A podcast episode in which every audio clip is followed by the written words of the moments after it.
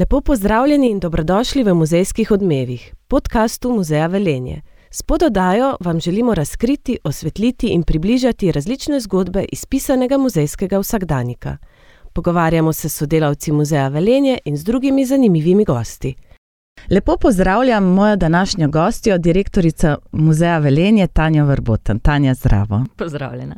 Današnja epizoda muzejskega podcasta je posebna, eh, namreč z njo se bomo poklonili čestitljivi obletnici, ki jo je 3. novembra praznoval Muzej Velenje in sicer smo praznovali 65 let obstoja muzeja. Tako da se je zdelo edino pravilno in edino uh, pravično, da tebe povabim kot gostjo. Tako da, kdo bi znal bolje povedati o muzeju, kaj lepega kot pa ravno direktorica. Namreč pred 65 leti, 3. novembra leta 1957, so v novo nastajajočem mestu Velenje na Velenskem gradu podpisali ustanovno listino Muzeja slovenskih premogovnikov. V Velenju so se namreč že takrat zavedali pomena ohranjanja kulturne in tehniške dediščine. Nov muzej je dobil prostore v najstarejši primerno ohranjeni stavbi v dolini, ki pa jo je bilo potrebno najprej temeljito prenoviti. V nekaj letih, ki so sledila, je na to novi muzej tudi zaživel na Velenskem gradu, kjer domuje še danes. Prebivalci doline so muzej kaj kmalo vzeli za svojega. Pa bi nam mogoče Tanja ti za začetek povedala, kako je sploh prišlo do te ustanovitve Muzeja slovenskih premogovnikov in kdo je krivec, seveda krivec v narekovajih, da je muzej danes ravno na Velenskem gradu. Ja, torej, um, po drugi svetovni vojni se Šaleška dolina in takrat potem novo nastajajoče mesto Velenje začne zelo intenzivno razvijati, predvsem zaradi premogovnika, torej zaradi skopavanja premoga. In takrat se tudi začne v naše kraje prisiljevati večje število ljudi iz eh, drugih eh, takratnih republik Jugoslavije. Zato, ker pač eh, premogovnik je potreboval vedno več delavcev, ki so uspeli doseči takrat zahtevane norme izkopavanja lignita, in s tem so se pač v naše kraje res priseljevali in posamezniki in tudi njihove družine. In nekako v tem času se v dolini zavedo, da je pomembno ne samo delo, ampak tudi skrb za način življenja ljudi, torej tudi za, za izobrazbo, za kulturno izobraževanje ljudi. In tako takrat začnejo potem tudi razmišljati o tem, da je pomembno ohranjanje tehnične dediščine, saj se bo le na ta način um, nekako ohranilo tudi to, na podlagi česa je torej takrat nastajalo novo mesto Velenje. In tako torej nekje v 50-ih letih uh, prične dozorevati ideja, da ustanovijo muzej slovenskih premogovnikov. To ni bila ideja samo tukaj v naši dolini, ampak um, torej vseh premogovnikov v Sloveniji. Na koncu za to ustanovno listino um, je podpisalo pet premogovnikov. Ampak še vedno, ja, uh, večina dela je potem na koncu ostala tukaj pri nas v Velenju. In takrat so seveda ob podpisu listine se začeli pogovarjati tudi o tem, kam bodo sam muzej um, umestili. Tako da se mi je zdela takrat najprimernejša točka Velenski grad. V tem času so na Velenskem gradu še živeli rudari, namreč po drugi svetovni vojni grad eh, pride v splošno družbeno premoženje in takrat potem tudi v sam grad namestijo prebivalce. Je bil pa grad v tem času v precej slabem stanju, tako da so vedeli, da je potrebno najprej temeljite prenove. Tako da res prvo desetletje skoraj da um, obstoja muzeja zaznamuje predvsem seveda zbiranje uh, predmetov, ki so se v sam muzej umestili, pa tudi obnova Velenskega gradu.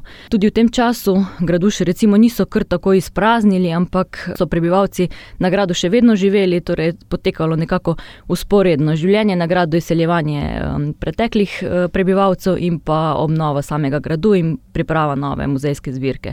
Leta je bila potem na gradu prvič odprta za javnost 8. oktober 1966, takrat je bil to um, občinski praznik uh, in takrat so si lahko torej, prebivalci prvič ogledali prostore novega muzeja. Torej, v času obnove Vlenskega gradu je bilo zelo pomembno tudi to, da um, takrat so v dolini uh, imeli tudi dovolj. Um, velike zaloge kapitala, ki so ga bili pripravljeni vlagati v kulturno dediščino. Tako da je res, v bistvu so bila podjetja v Dolini tista, ki so, seveda, predvsem premogovniki, ki so vlagala v obnovo eh, grajske stavbe. Vemo, da je bil to že takrat zelo velik zalogaj, saj se tudi danes po 65 letih v bistvu soočamo z ponovnimi obnovami um, grajske stavbe, ki so tudi za nas danes zelo velik zalogaj.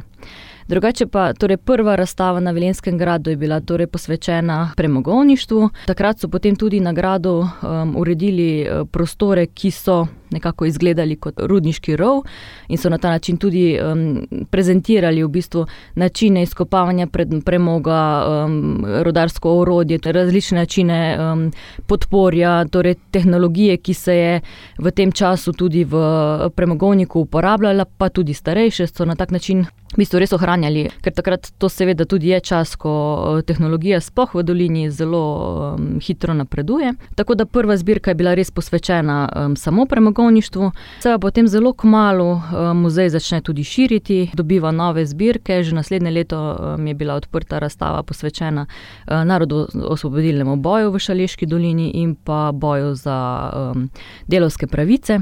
Tako da so tudi na ta način nekako dopolnjevali same muzejske zbirke. Potem pa v bistvu um, za nadaljni razvoj um, muzeja vpliva kar nekaj na ključnih dogodkov, ki so se zgodili v sami dolini. Namreč leta 1964 v okolici Velenskih jezer um, odkrijejo kosti mastodontov, tudi pri tem ima v bistvu um, kar pomembno vlogo premogovnik, saj gre namreč za urejanje degradiranih območij, ki so nastala zaradi ugrezanja samega uh, terena. In tukaj potem s strokovnimi raziskavami odkrijejo, da gre za kosti dveh vrst um, mastodontov, ki sta živeli v naši dolini pred približno 3 milijoni let. Um, in tukaj potem tudi začne nastajati zbirka ostankov mastodonta, ki je bila potem na Velenskem gradu odprta leta 1969. Zanimivo je to, da so že takrat se v muzeju zelo veliko povezovali. Po eni strani zato, ker tudi niso imeli seveda primernega kadra za vsa področja strokovna, ki so jih pokrivali, po drugi strani so se pa nekako tudi takrat zavedali, da je pomembno, da so muzejske zbirke zanimive, privlačne.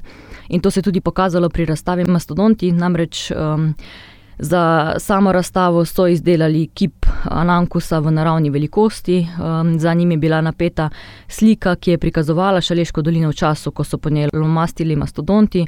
Tudi sama arhitekturna zasnova razstave je bila posebej um, izdelana za, za naš muzej, posebej so bile izdelane luči, ki so na sami razstavi bile, tako da res je bil to že takrat en bi lahko rekli, kar muzejski presežek, ki je v bistvu um, še potem v naslednjih 50 letih še vedno vzbujal v obiskovalcih začudenje, presenečenje in pa navdušenje, eh, kljub temu, da je bila res eh, sama razstava že muzejska razstava. To razstavo smo sedaj um, uspeli v preteklih letih popolnoma obnoviti, še vedno pa smo se odločili, da um, kip mastodonta in to uh, impresivno sliko, ki je napeta na, na sami razstavi, pustimo, ker se nam zdi pomembno, da, da tudi na ta način v bistvu ohranjamo našo kulturno dediščino. Drugo pomembno na ključe, ki pa je um, prineslo še eno zbirko v naš muzej, spet zbirko, ki zagotovo presega območje našega delovanja, torej muzej Velenje pokriva Šaleško dolino, um, občine Velenje, Šoštan in Šmartno opaki. Potem, ko sedaj imamo na, na stalni razstavi tudi razstavo Afrika. Namreč v 70-ih letih je bil na potovanju po Afriki dr. Boris Kuhar, takratni direktor Slovenskega etnografskega muzeja, ki je v Afriki spoznal zakonca Fojt. Leta sta v Afriki živela že 23 let, leta 47 sta se odpravila na raziskovalno potovanje, pa zaradi naključnih dogodkov, med drugim so jo obtožili tudi, da sta ljudožerca, sta v Afriki um, tudi obstala. Po 23 letih pa sta nekako se odločila, da je čas, da se vrneta nazaj v Evropo, in Boris Kuhar jim je pri tem pomagal. Prvi nameni so bili, da se preselita v Ljubljano, da dobi Fojt zaposlitev v Slovenskem etnografskem muzeju in tudi etnografskemu muzeju podari svojo zbirko. Vendar pač se do, do tega dogovora ni prišlo in takrat se potem Boris Kuhar obrne na Ivana Atleška, takratnega direktorja Gorenja. In spet tukaj se pokaže res to neko zavedanje v Šaleški dolini, to, da so pač znali ceniti, razumeti kulturo, kulturno dediščino. Torej so nekako videli, kaj je tisto, kar je pomembno in kar je potrebno ohranjati. In takrat Ivan Atlšek, tudi s pomočjo Nesla Žganka, ki je predsedoval takrat občini, pride v bistvu do dogovora, da prijeta torej za konca Fojc z njim na afriško zbirko v Velenje. To zbirko sta podarila muzeju Velenje, v zameno sta dobila stanovanje in pa pokojnino. In tako spet dobi v bistvu muzej Velenje. Neko novo zbirko, razstavo, ki zagotovo torej presega uh, lokalne meje. Potem pa kasneje v naslednjih letih se seveda muzej še vedno širi, vse čas se tudi zbira etnološka dediščina, um, torej spet to, kar je pač res pomembno za naše okolje, in tako nastane tudi etnološke razstave. Potem pa v 90-ih letih je spet ena večja, pomembnejša stvar, torej najprej to, da muzej uh, slovenskih premogovnikov ni več pri nas na Velenskem gradu, ampak se ustanovi uh, samostojen muzej premogovništva, ki se prestavi na Starjašek, kjer je še danes. In pa pod okriljem muzeja Velenje v 80-ih letih pride tudi Kavšnikova domačija, ki je bila pa tudi potem um, leta 1993 nominirana za najboljši evropski muzej leta. Tanja, hvala. Um, si že začela z v bistvu zadnjim uh, tisočletjem, oziroma zadnjim desetletjem prejšnjega tisočletja. Ja, tu smo prenovili potem skoraj vse stalne razstave se lotili kar nekaj novih projektov, si že omenila Kavčnikova domačijo, ki je dosegla velik odziv tako v slovenski kot mednarodni strokovni javnosti. Bila je, kot si že rekla, tudi ti ena izmed eh, nominacij muzeološke postavitve eh, za Evropski muzej leta. Mm, ni pa bilo to edino, kar se je takrat dogajalo. Bi mogoče ti povedala, kaj se je dogajalo v zadnjem desetletju prejšnjega tisočletja v muzeju? Ja, torej v 90-ih letih potem tudi eh, nekako, takrat še vedno torej Muzej slovenskih premogovnikov pride pod okrilje kulturnega centra, ki ga takrat na novo ustanovijo, takrat združijo torej pod eno streho knjižnico, galerijo in muzej.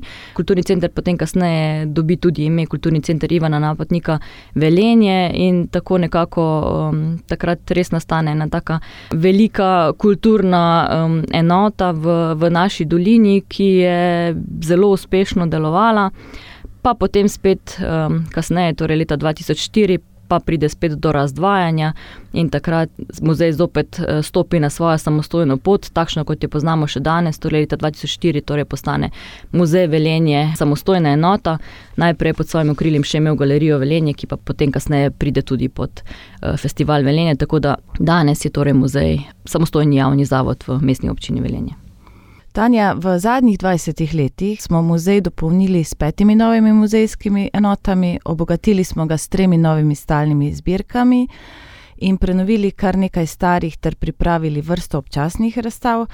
Ali lahko za naše poslušalce še enkrat, čeprav vem, da večina jih verjetno ve, katere vse enote imamo, poveš, katere nove stalne zbirke imamo, katere smo prenovili, da mogoče malo ponovimo na kratko.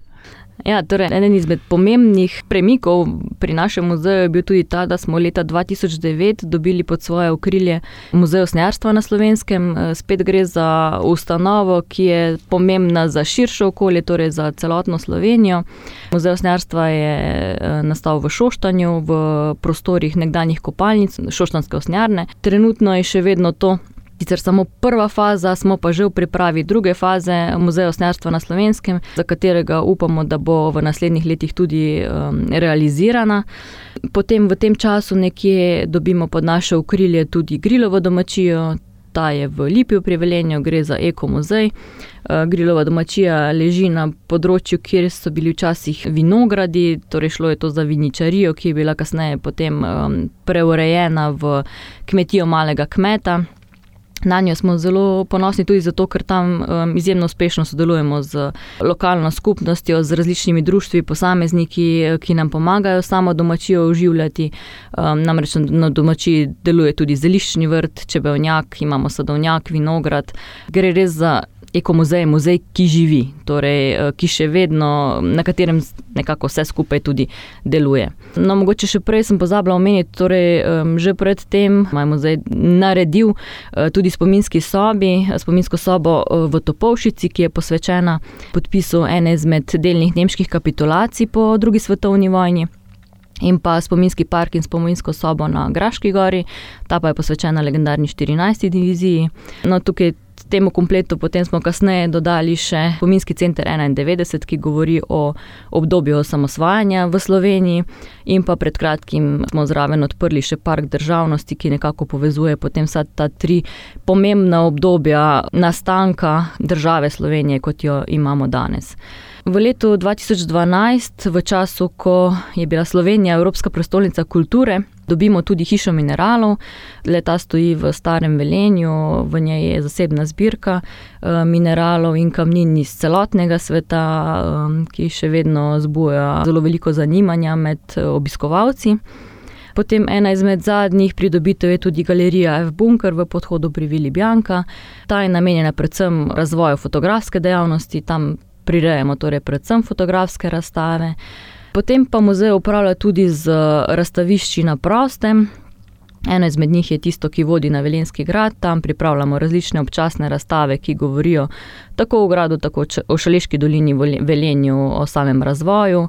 Potem imamo pa razstavišči eh, podhod pošta in podhod pesje. Podhod pesje je bil v preteklih letih predvsem namenjen temu, da smo eh, tam predstavljali potopljene vasi, Namreč spet zaradi skopanja premoga je v Šaleški dolini izginilo kar nekaj vasi, ki so stale na območju, kjer so bile pač pod njim zadostne količine lignita, tako da so potem žrtovali te vasi. In v prihodnem letu, v letu 2023, bomo pripravili še zadnjo razstavo iz tega sklopa, ki govori o gabrkah. Tako da na ta način bomo potem vseh teh pet vasi imeli nekako pokritih in ob tem tudi pripravili publikacijo, da bomo nekako na enem mestu imeli zbrano vse tisto, česar danes recimo v dolini ne moremo več videti.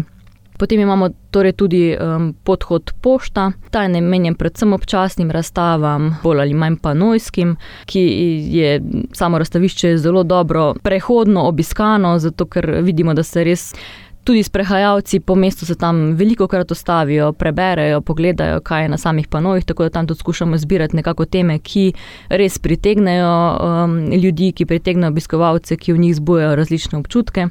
Potem imamo še razstavišče ob pošti, tudi to je na prostem, spet ena možnost, kjer na različne načine lahko predstavljamo različne vsebine. Tako da res ja, količina Samih objektov, um, razstavišč, ki jih muzej pokriva, je zelo velika. V letu 2020 smo um, pripravili v sodelovanju z mestno občino Velenje in Zavodom za spomniško varstvo um, oziroma za varstvo kulturne dediščine celje tudi upravljavske načrte za Velenski grad, za Grača Lek in Graščino Gorica tudi z gradom Šalek in z graščino Gorica upravlja muzej Velenje. Spet s tem smo dobili spet neke nove izzive, namreč vemo, da glavna stvar, s katero se muzej ukvarja, je premična kulturna dediščina. Seveda pa vse te naše enote, um, vse naše stavbe in seveda posledično tudi potem uh, Grača Lek in Graščina Gorica pa predstavljajo nepremično kulturno dediščino, s katero so, se drugače ukvarjajo predvsem konzervatori. Mi se pa tukaj res trudimo predvsem vzdrževati stanje, kakšno je, in pa hkrati iskati možnosti financiranja projektov in idej. Ki jih ne zmanjka, um, se pa pogosto zgodi, ja, da je um, same finance za tako zahtevne objekte, ki potrebujejo res um, velike finančne vložke, težko najti. Sam muzej ima seveda tudi svoje depojske prostore, torej to našo premično kulturno dediščino, torej muzejske predmete je potrebno tudi nekje shranjevati. To počnemo v depoju na Starem Jašku.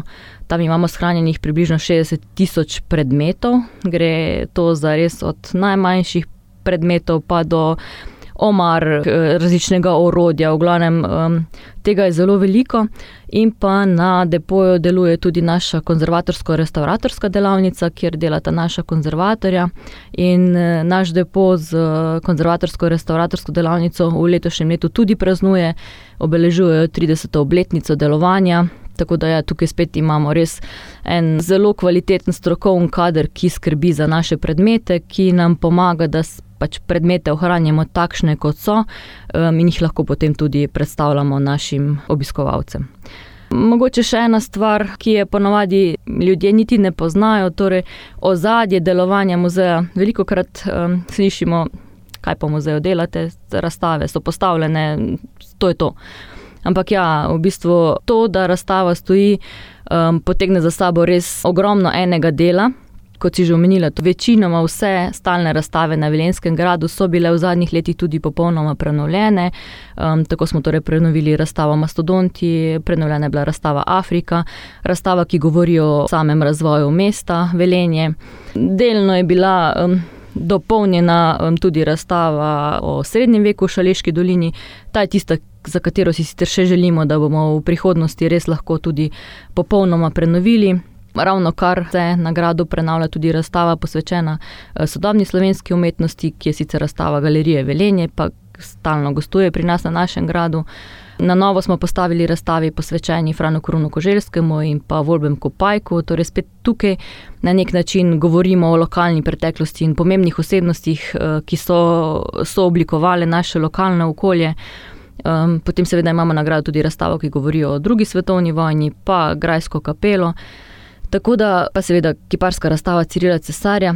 Tako da res sam izbor različnih tem, različnih eh, časovnih obdobij, ki jih predstavljamo, je zelo bogat, zelo obsežen. Obiskovalci res lahko, če gledamo samo Velenski grad, na enem mestu spoznajo marsikaj zanimivega, kar recimo tudi vedno pritegne sta stari gostilna in trgovina. Torej, spet razstavi, ki imata neko nostalgično noto, um, ki ljudi predstavita nekaj sto let v preteklost in se lahko nekako um, prestavijo v čas, ko je bilo življenje precej drugačno kot je danes. Torej, kot sem pa omenila, da pa vse te razstave lahko stojijo, so pa zato odgovorni seveda kustosi muzeja. Ti so pri nas različnih strokovnih področji, imamo zgodovinarje, imamo etnologe, imamo tudi sociologe, tako da um, potem skušamo res pokrivati. Delovanje z različnih vidikov, z različnih strokovnih področji, Ob vsem tem pa je potrebno torej veliko dela s samim uh, muzejskim gradivom, naj si gre to za um, arhivsko gradivo. Imamo zelo bogato fototeko, za katero skrbi naša strokovna sodelavka.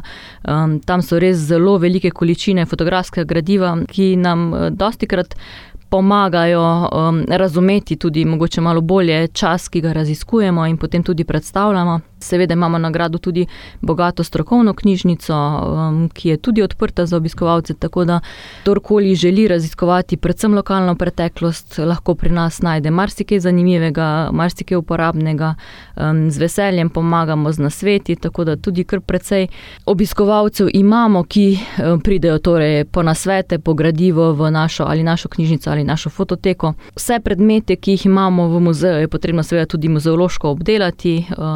Tako da jih vse te preučimo, jih potem tudi vnašamo v muzejski program Galis, za kar predvsem skrbi naša dokumentalistka in pa tudi vsi ostali kustosi, ki vsa ta področja pokrivajo. Tako da ja, muzejsko delo v bistvu. Um, Res ni samo to, da postaviš razstavo in razstava tam stoji, ampak je vse čas raziskovanje, vse čas izobraževanje, delo. Na koncu, kar nas pa vedno v bistvu še vse skupaj najbolj veseli, je pa delo z obiskovalci. Ker um, to pa je tudi eden izmed najpomembnejših naših del. Namreč, karkoli delamo, če delamo sami zase, potem seveda um, to nima smisla. In kar nas najbolj veseli, so pa um, pozitivni odzivi naših obiskovalcev. Za nje skrbijo seveda naši muzejski vodniki, tudi v bistvu vsi kustosi v muzeju, redno tudi vodijo obiskovalce, izvajo pedagoške programe, um, pripravljamo različne andragoške programe, različne predavanja, predstavitve. Tako da res skušamo našo preteklost in pa vsa naša raziskovalna področja um, predstavljati na raznovrstne načine, um, skušamo se nekako ljudem približati in jim pač tudi na nek način predstaviti, kaj je tisto. Kar imamo mi radi, ker mislim, da nihče v muzeju ne jemlje delo v muzeju samo kot službo, ampak je to naš način življenja. Z muzejem se mi zdi, da res vsi um, živimo in tudi v prostem času razmišljamo o tem, torej o naši preteklosti, o našem okolju, v katerem smo. Ne vem, ravno včeraj mi je bilo zanimivo, ko je sodelovka vprašala, kaj pa ti gledaš, ko greš na potovanje, če greš v muzej. Ja, kaj gledam, ne vem, kako so postavljeni plakati, kakšne so vitrine, um, kakšni so fonti, kako so si izbrali predstavitev predmetov. Ja, vse stvari pač vedno gledamo tudi z tega našega muzeološkega stališča, tudi na ta način, kako bomo mi naše stvari izboljšali, kako jih naredili bolj privlačne za obiskovalce in kako pritegnili tudi v muzej v bistvu čim večje število ljudi in jih tudi nekako seznanili z našo preteklostjo. In, um, Mislim, da nam to res zelo dobro uspeva. Spok zdaj, ne vem, v preteklih mesecih je obisk muzejskih enot, vseh naših v bistvu, zelo dober, zelo pozitivne odzive imamo. Um, v preteklih mesecih smo v bistvu skoraj vsak dan izvajali vsaj po en pedagoški program, tako da imamo res um, najrazličnejše vrste obiskovalcev, od najmlajših pa do različnih strokovnih skupin, upokojencev, posameznikov, družin. In tudi vsaki skupini se v bistvu skušamo čim bolj prilagajati in jim tudi naše znanje podajati na ta način, da je njim blizu, da je njim um, dostopno in da se pri nas dobro počutijo. Wow. Tanja, hvala. Še jaz, ko slišim, pa sem zaposlena, ampak ko tekle slišiš vse v eni zgodbi strnjeno, vidiš, da res veliko delamo. Ampak ja, kot si rekla, v bistvu to nekako mi doživljamo kot hobi, kot delo, kot vse skupaj, kot način življenja in niti ne gledamo včasih. Na vse to, kar delamo kot na delo. Ne? Ja, pa mogoče bi še to tukaj tudi no izpostavila. Res je, kakorkoli že vsaj pri nas je zelo pomembno to, kakšen je kolektiv. In um, pač naš kolektiv je res fantastičen. Res v vsakem primeru se lahko zanesemo na kogarkoli od nas. Vemo, da kadarkoli se bo karkoli zgodilo, če bo nekdo potreboval zamenjavo, pomoč, na svet, karkoli. Pa naj se tiče to strokovnega področja, dela v službi ali pa tudi privat življenja. Tako da to se mi zdi tisto, kar je pa res tukaj najpomembnejše. In um, s takim pozitivnim odnosom je tudi potem marsikatero stvar um, veliko lažje narediti, pa ko smo včasih res vsi po vrsti že izmučeni in imamo poln kufr vsega, um, pa nekako, ko zderemo skupaj stvari do konca, pa na koncu res, ko dobimo res te pozitivne odzive, um, tako od obiskovalcev, kot um, tudi vem, od kolegov, muzealcev, od strokovne javnosti. Um, se mi zdi, da tisto je pa potem vedno vredno vsega tista, kar pač vlagamo v naše delo in jaz tukaj je res zelo pomembno. Če kolektiv ni tak, ki pač svoje delo opravlja um, srcem, um, je potem marsikatera stvar veliko težja. Kadar pa delo res opravljaš z veseljem, pa se to tudi pozna. No, jaz tule kot zaposlena v muzeju lahko potrdim vse, kar je Tanja rekla. Ampak, če kar nadaljujeva, mogoče v tej mal bolj osebni noti, zanima me, ti si v muzeju zaposlena že kar desetletje, več kot desetletje. Najprej si bila kustosinja pedagoginja, potem kratek čas kustosinja, ki se je predvsem ukvarjala z etnologijo, etnologinja, zadnje leto si direktorica muzeja Valenja. Veliko si zdaj povedala, kaj se dogaja, ampak kaj pa tisto, kaj bi ti rekla? In bi predlagala, zakaj je naš muzej poseben. In kaj je tisto, kar bi ti kot sodelavka v muzeju Velenje rekla, da si vsak mora priti pogledati? Pa ne samo mogoče obiskovalci od zunaj, tudi naši velenčani.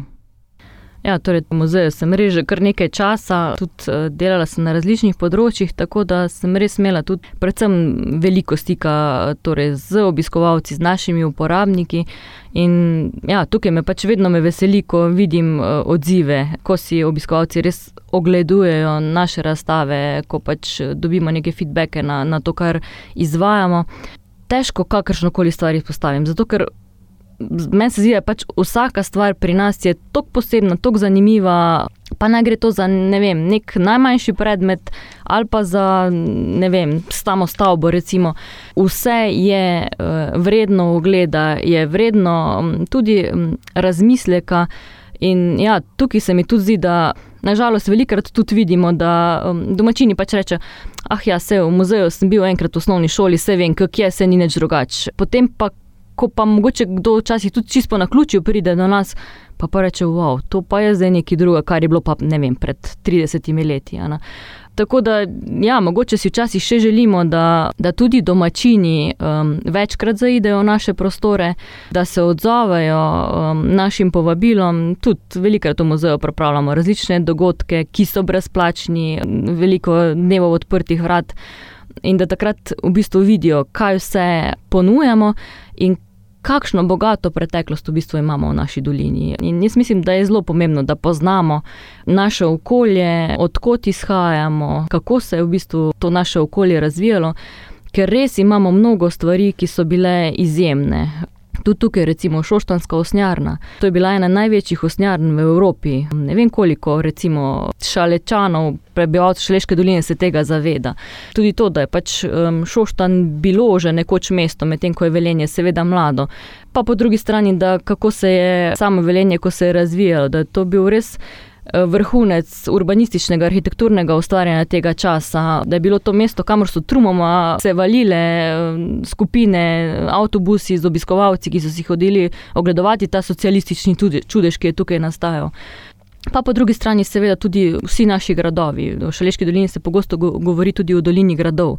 Gradov imamo zelo veliko. Nažalost je pač res samo Velenski grad tisti, ki je um, tako hranjen kot je, da ga torej še vedno lahko v popolnosti uporabljamo.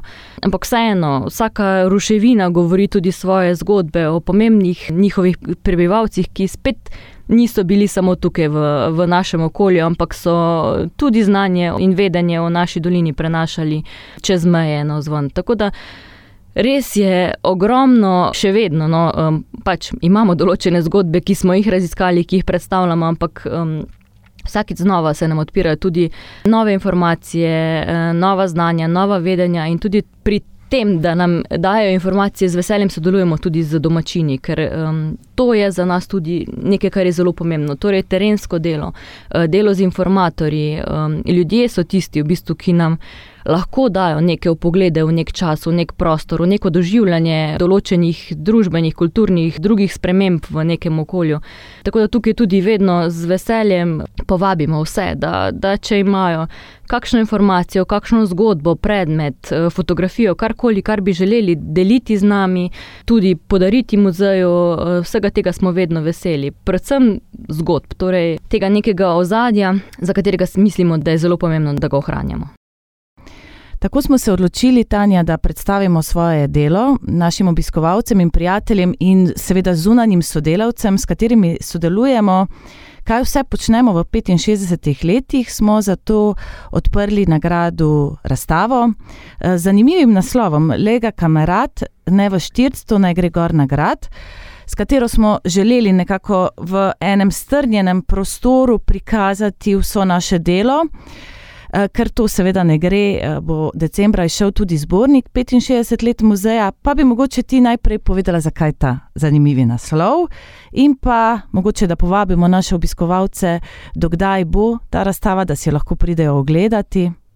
Ja, torej, sam naslov razstave je ja, zagotovo zanimiv. Mislim, da tisti, ki dobro poznajo muzej Velenje, tudi eh, lahko kar sklepajo, kdo je bil avtor tega naslova. Torej, to je seveda naš Vinko. Torej, razstava nekako je dvodelno zasnovana. V prvem delu predstavljamo torej, sam razvoj teh 65 let eh, samega muzeja Velenje, torej od muzeja slovenskih premogovnikov, in jo dopolnjujemo tudi s predmeti, z najstarejšimi predmeti z našega muzejskega depoja, ki so seveda predmeti povezani z premogovništvom.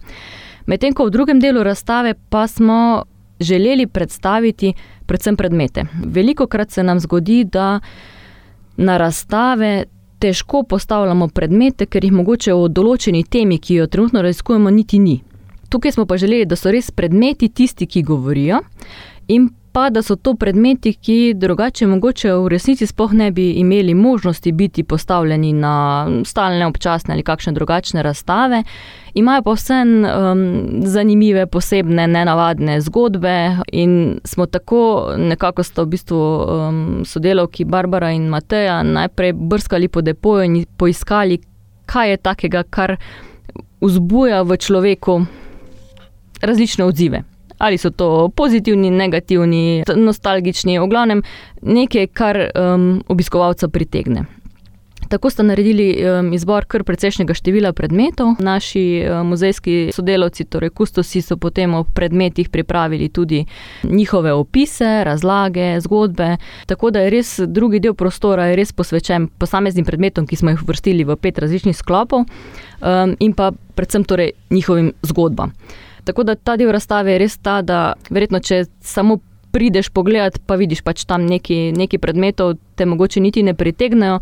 Ko pa začneš um, prebirati njihovo vsebino, so pa zagotovo taki, ki, ki pritegnejo, ki nam zbujajo mogoče malo drugačen način razmišljanja o določenih časih, stvareh, načinu dela, načinu življenja. Ne vem, kot zanimivo stvar, ki smo v tem tednu že nekajkrat omenili, je kibl To je bilo, oziroma je še vedno jamsko stranišče, gre torej za um, pločevinasto posodo, v katero seveda knapi opravljajo um, svoje telesne potrebe. In Kibelmeister je bil tisti, ki je za to posodo nekoč tudi skrbel in poskrbel za to, da je pač posoda iz rudnika prišla ven, eh, bila spraznjena, očiščena in potem prepeljana nazaj. Ampak ja, v bistvu mislim, da redko kdo, ki ni knap, ne razmišlja o tem, kako pa v bistvu grejo knapi na vece. In to je mogoče ena izmed stvari, ki nam spet nam da mogoče nek drugačen pogled v delo ljudi, ki je torej, zelo zahtevno in tudi poteka čisto pod nekimi drugimi razmerami. No, in zdaj sem že dvakrat ali trikrat omenila eh, besedo knap, um, tukaj se pa mogoče zdaj vrnem pa nazaj na sam naslov razstave. Torej, um, naslov je nekako napisan v velenščini, torej lega kamerat ne v štirc, to naj gre gor na star grad. Kamerat je torej sodelavec, kolega, gre tukaj za tipično velensko govorico, drugače pa štirc je pa neke vrste smetišče. Namreč knapi so odsluženo upremo, vse tisto, kar je bilo pač za stran, so zmetali na štirc, torej na smetišče. Ampak torej v času, ko pa nastaja muzej, pa zelo hitro v ljudeh nekako se uh, usidra ta miselnost, da pa vsaka stvar pa tudi ni kar za nasmetišče, ampak jo je vredno ohranjati. In ohranja se seveda tako, da jo odnesejo v takrat novo nastajajoči muzej, ki je bil pa seveda na Velenskem gradu. In Velenski grad je bil v tem času, so ljudje o njem niso govorili kot, tako kot danes o enem izmed najlepših slovenskih gradov, ampak ta, ta star grad gor na hribu. Tako da ja, tukaj um, je nekako ta razlaga tega uh, naslova. Torej, tisto, kar je pomembno, je treba shraniti v muzej, ki nastaja na, na samem gradu. Kdaj lahko pričakujemo zbornik Tanja?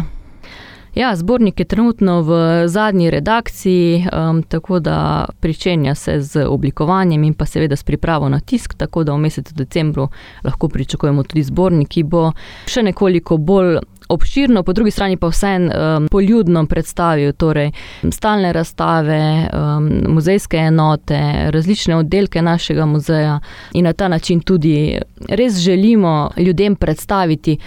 Kaj to pomeni delo v muzeju? Da je tukaj res en uh, skupek različnega delovanja, in s tem se nam zdi, da, ja, da če pač vse stvari predstavimo na nek tak poljuden način, uh, tudi z dopolnitvijo, s fotografskim materialom, z fotografijami predmetov in tako naprej, da lahko res v ljudeh nekako še bolj prebudimo to zavedanje, kako pomembno je vse naše delo, naša preteklost, naša kulturna dediščina. No, to smo mogoče tudi se že trudili predstaviti na razstavi, ki smo jo postavili v podhodu pošta. Um, tam smo nekako predstavili 65 stvari, ki jih morate vedeti v muzeju Velenje. Tako da tudi tam res na tak slikovit, kratek, poljuden način smo predstavili, torej, kaj muzej v bistvu sploh pomeni. Tanja, hvala lepa. Hvala, da si si vzela čas eh, in da si bila danes moja gostja. Naj še enkrat izkoristim priložnost in povabim vse naše poslušalce, da si pridejo ogledati eh, na Velenski grad našo razstavo. Bi mogoče ti samo povedala, dokdaj bo razstava stala? Razstava bo zagotovo na ogled do um, konca poletja leta 2023, tako da je časa za ogled še kar nekaj. Tako, uh, ogled pa je možen vsak dan, razen ponedeljka, trenutno od 10 do 17 ure, tako da prijazno vabljeni. Tanja, tebi pa srečno. Hvala in srečno tudi tebi. Hvala vam, da ste prisluhnili muzejskim odmevom. Podcast najdete na spletni strani www.muzej-velenje.si in na našem Facebook profilu Muzeja Velenje. Lepo vas pozdravljam in se slišimo v naslednjih muzejskih odmevih v novi epizodi podcasta Muzeja Velenje. Do tedaj pa srečno.